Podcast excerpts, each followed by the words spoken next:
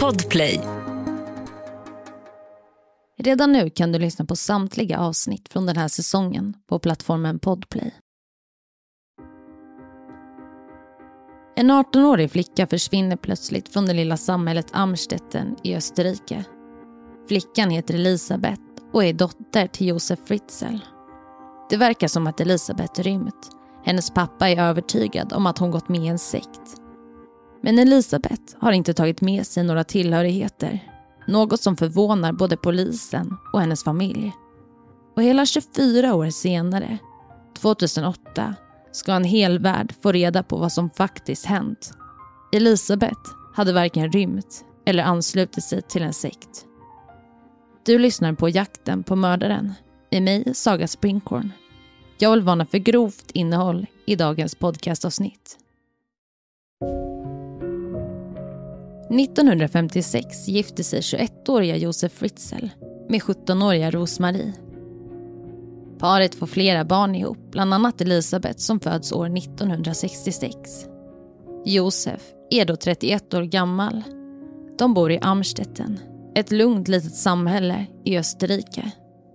På utsidan ser familjen ut att vara en helt vanlig familj. Josef är omtyckt i området. Han hälsar artigt när han passerar sina grannar på gatan. Josef hade ett ansenligt yrke. Han var elingenjör och händig.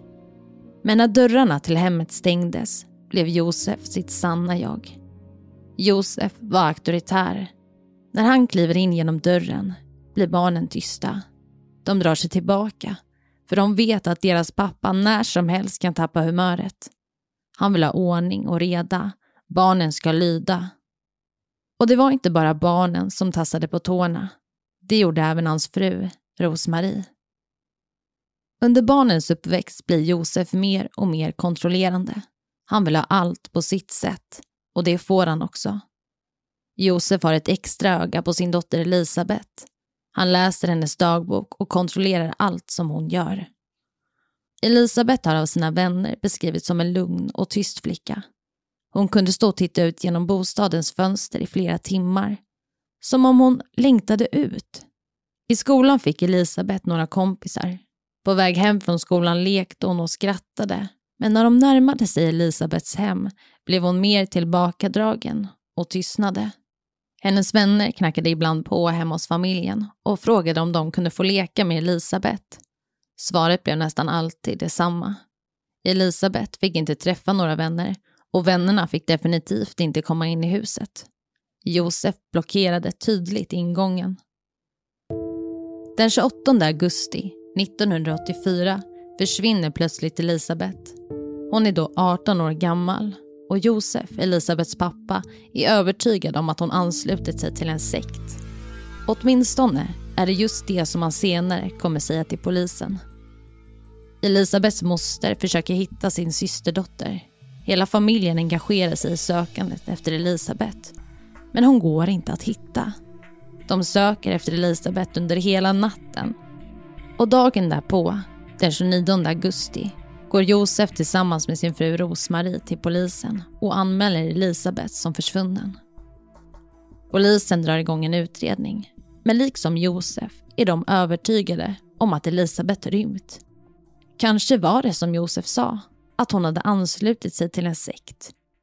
Några dagar senare får Elisabeths familj ett brev från henne. Brevet hittas på farstun och Elisabeth hade skrivit att hon anslutit sig till just en sekt och att ingen skulle söka efter henne. Utredarna är nu än mer övertygade och utredningen läggs ner. Elisabeth hade med största sannolikhet anslutit sig till en sekt. Polisen menade att det inte fanns så mycket mer att göra. Brevet hade ju förklarat precis det som Josef sagt. Han hade haft rätt. Eller? Flera vänner och närstående till Elisabeth kan inte tro att det är sant. Elisabeth var ofta hemma. Hur hade hon kunnat träffa någon sektledare och vidare bestämt sig för att ansluta sig till en sekt? Det kunde inte vara sant. Och precis som många vänner och närstående till Elisabeth misstänker så är det inte sant. I själva verket är det Josef, Elisabeths pappa, som låst in henne i husets källare. i källaren i ett skyddsrum som han byggt själv. Jag kommer gå in mer på den här biten längre fram, men nu vill jag återigen varna för grovt innehåll. 1977 hade Elisabeth för första gången blivit sexuellt utnyttjad av sin pappa. Hon var då 11 år gammal och det var ingen som misstänkte de här övergreppen och Elisabeth vågade inte berätta för någon. Josef hade dock en tidigare historia av sexuella övergrepp med sig i bagaget. 1967, cirka ett år efter att Elisabeth kommit till världen, hade han förföljt ett flertal kvinnor. Han hade stått gömd i parker och onanerat när kvinnor gått förbi. Och samma år döms han också till fängelse efter att ha brutit sig in i ett hem och våldtagit en 24-årig kvinna. Josef hade våldtagit den här kvinnan när hennes bebis legat bredvid i en spjälsäng. Vi går vidare. Josef vill aldrig mer sitta i fängelse. Men han har fortfarande ett sexuellt begär. Han måste hitta en lösning. Sex år innan Josef låser in sin 18-åriga dotter i familjens källare får han en idé. En idé som ska lösa alla hans problem. Josef ska bygga ett isolerat rum i källaren som ska skydda familjen mot atomvapen. Det är i alla fall vad han säger till sin omgivning. Men i själva verket ska han bygga ett fängelse. Ett fängelse som han senare ska låsa in Elisabeth i. Ett fängelse som är omöjligt att ta sig ut ifrån. Ingen misstänker något. Josef är trots allt en elingenjör och en mycket händig man. Han är omtyckt i det lilla området och hälsar artigt på de som han möter. Han bygger dag in och dag ut, helt själv.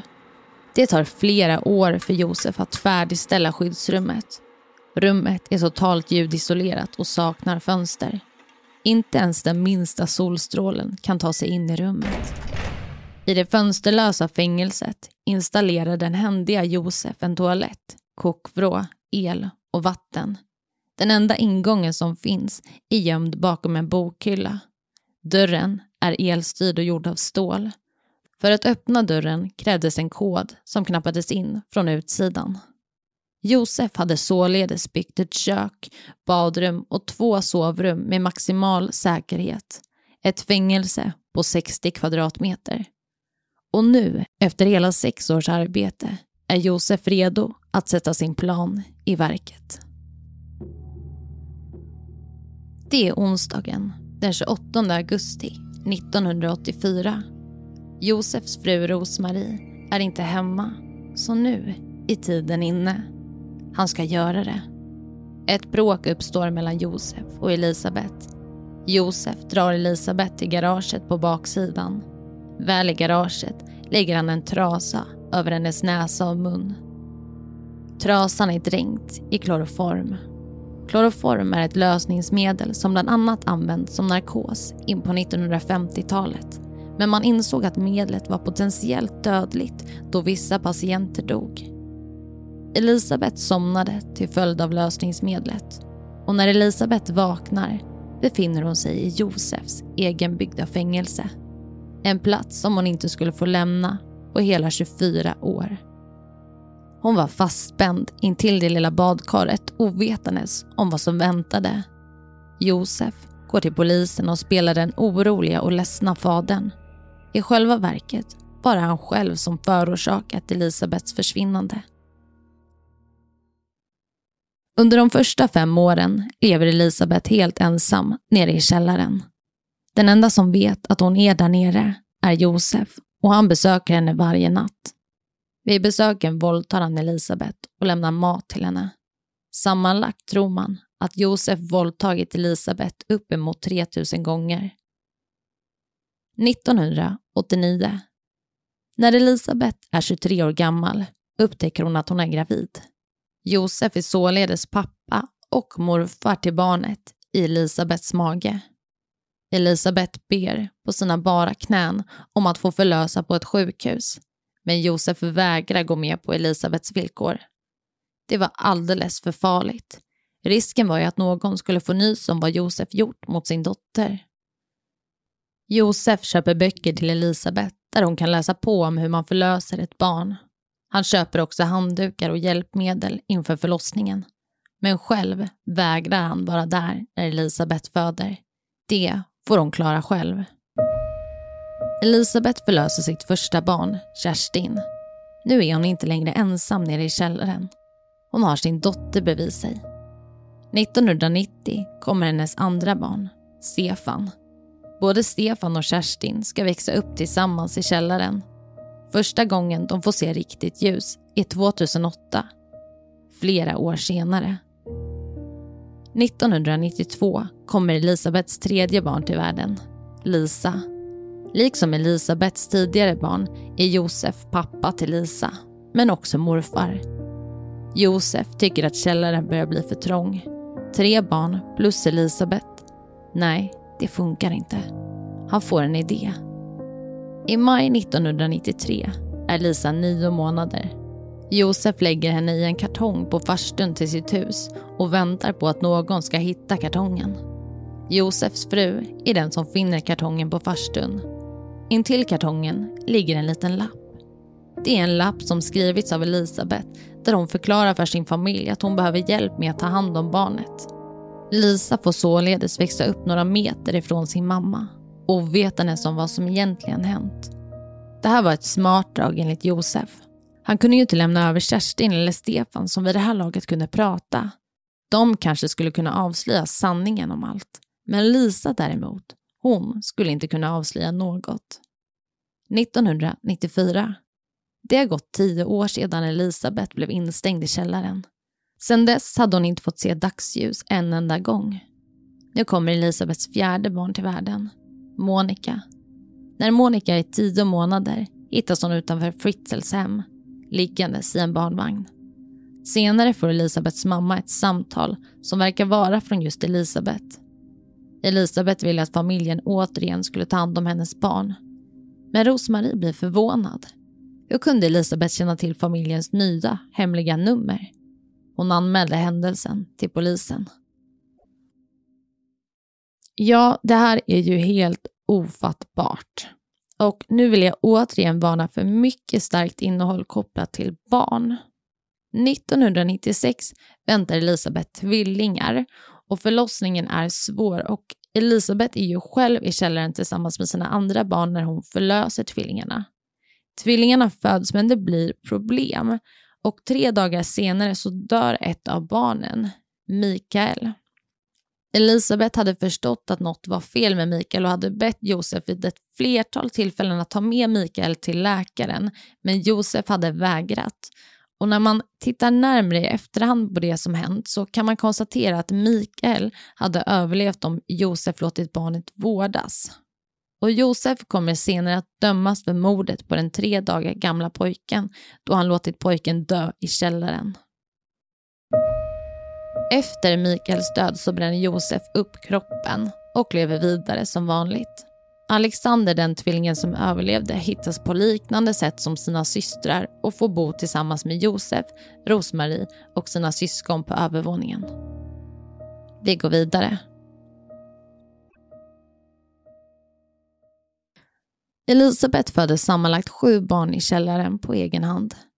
Felix, som är hennes sista barn, får bo kvar i källaren då Josef anser att Rosmarie inte kan ta hand om fler barn. Nu har Josef total kontroll över sin dotter. Han kan hela tiden hota med att han skadar barnen om hon inte gör som han säger.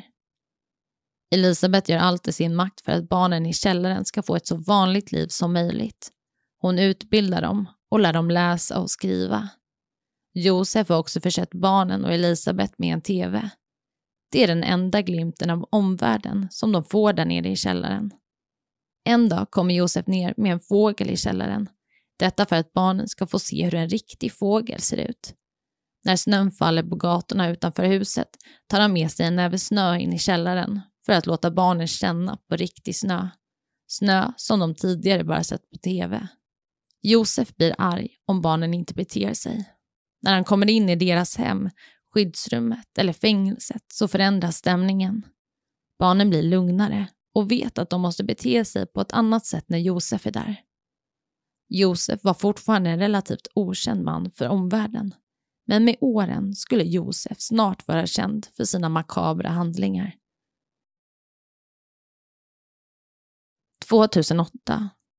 Elisabeth har nu varit inlåst i källaren i hela 24 år. Men plötsligt händer något. Något allvarligt. Kerstin, Elisabets förstfödda barn, blir svårt sjukt. Josef förstår likt Elisabeth att hon behöver omedelbar sjukvård. Och till Elisabets förvåning tar Josef för en gångs skull rätt beslut. Han tar med sig den då 19-åriga Kerstin till ett närliggande sjukhus. Kerstin är medvetslös när hon kommer in till sjukhuset. Hon vårdas på intensivvårdsavdelningen och kämpar för sitt liv.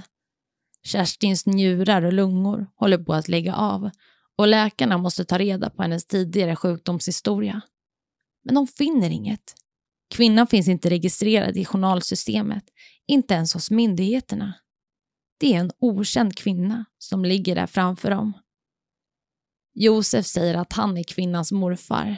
Han är aggressiv och arrogant när personalen försöker prata med honom. Han vill inte samarbeta. Han vill bara att Kerstin följer med honom hem så snart som möjligt. Läkarna och vårdpersonalen tycker allt är märkligt. Hur kan morfan till den 19-åriga kvinnan inte vilja samarbeta? Hon håller ju på att dö. Polisen kontaktas och Josef förklarar att dottern Elisabeth släppt av Kerstin utanför Josef och Rosmaris hem, så som hon gjort med sina tidigare barn. Kerstin ligger nu i koma. Läkarna behöver få kontakt med Elisabeth för att höra mer om Kerstins medicinska bakgrund. De tror att Kerstin drabbats av en genetisk sjukdom och de behöver mer information för att kunna rädda henne. Polisen och vårdpersonalen vänder sig nu till media. De vill få kontakt med Elisabeth. Kerstin har en svår infektion och myndigheterna efterlyser hennes mamma för att få fram information om hennes hälsotillstånd. Fem dagar senare har Josef beslutat sig för att ta med Elisabeth till sjukhuset. Det är första gången på 24 år som hon lämnar källaren. Läkarna blir chockade när Elisabeth kliver in på sjukhuset. Hon är 42 år gammal, men ser snarare ut som 60 år. Elisabeth hade åldrats kraftigt. Hennes hud var blek, nästan genomskinlig. Elisabeth såg sjuk ut, liksom Kerstin. Läkarna blir oroliga. Det är återigen något som inte stämmer. Läkarna tar kontakt med polisen. Elisabeth och Josef förs med till polisstationen. De förhörs. Och snart ska en hel värld få veta vad Josef gjort mot sin dotter och hennes barn. Elisabeth sitter tyst framför poliserna. Det tar henne nästan fem timmar att berätta sanningen. Hon hade inte gått med i någon sekt. Hon hade blivit inlåst av sin pappa. Hon hade bott kvar i samma hus, men i Josefs egenbyggda skyddsrum. Dagen därpå frontar Josefs ansikte mediernas upplagor. Medier från hela världen samlas i den lilla staden. Polisen åker till huset och tar sig in i källaren. De hämtar resterande barn, både i källaren och på övervåningen. Felix, som är fem år gammal, sitter med ansiktet fastklistrat mot bilrutan. Han hade aldrig sett något liknande. Han fascinerades av bilarna som passerade, träden och himlen. Det var en helt ny värld som öppnade sig för honom. Elisabeth hade bott 24 år i källaren. Ingen hade misstänkt något. Inte ens hennes mamma som bodde på ovanvåningen. Josef hade förbjudit familjen att gå ner i källaren och Josefs ord var lag. Han kunde bli våldsam om någon bröt mot reglerna och därför var det bäst att göra som han sa. Ingen hade vågat sig ner. Under tiden som Elisabeth satt fängslad hade Josef hyrt ut rum i huset. Han hade sammantaget under tiden för Elisabeths fångenskap flera hundra inneboende. Alla kände av Josefs auktoritet och vågade inte bryta mot reglerna. De inneboende fick inte vistas på baksidan i den lilla trädgården. Det var förbjudet.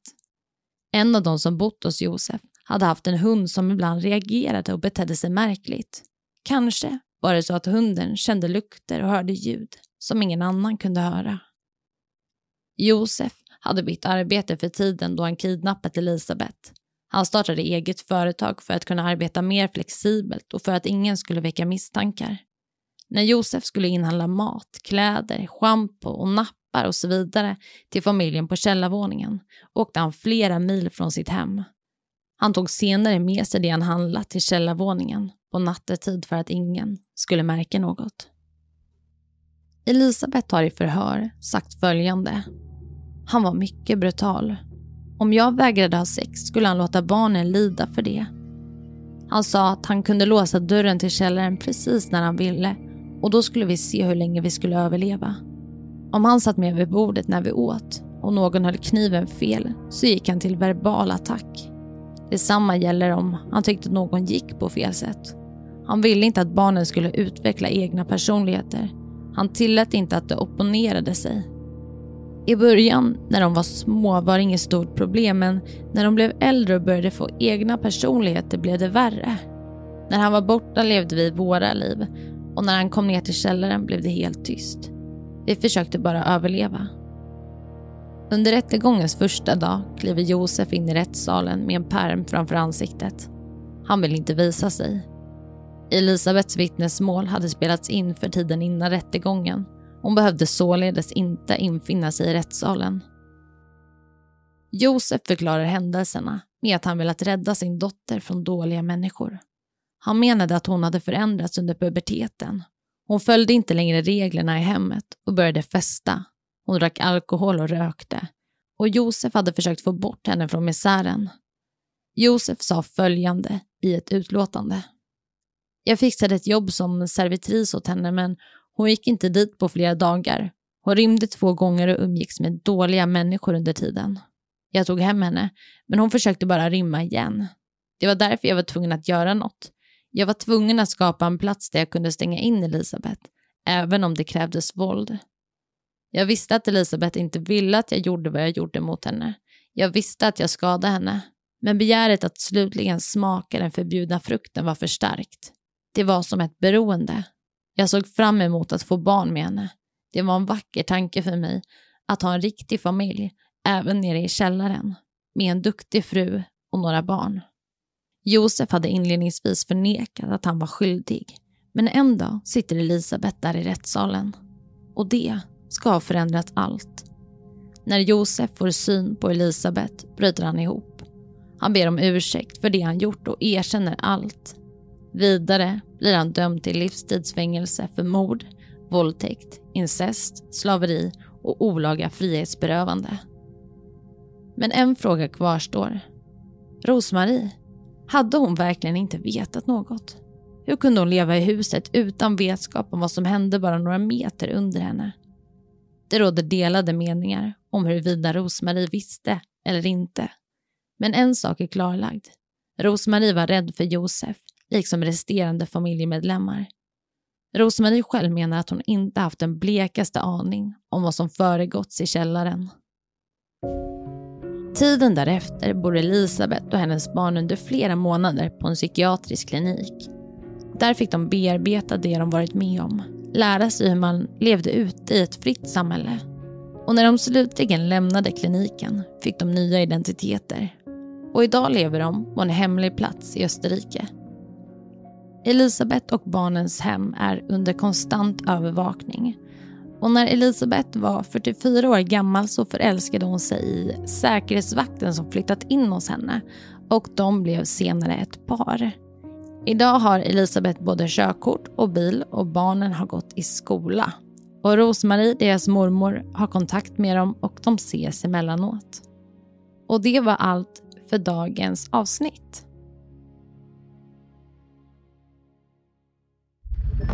Podplay, en del av Power Media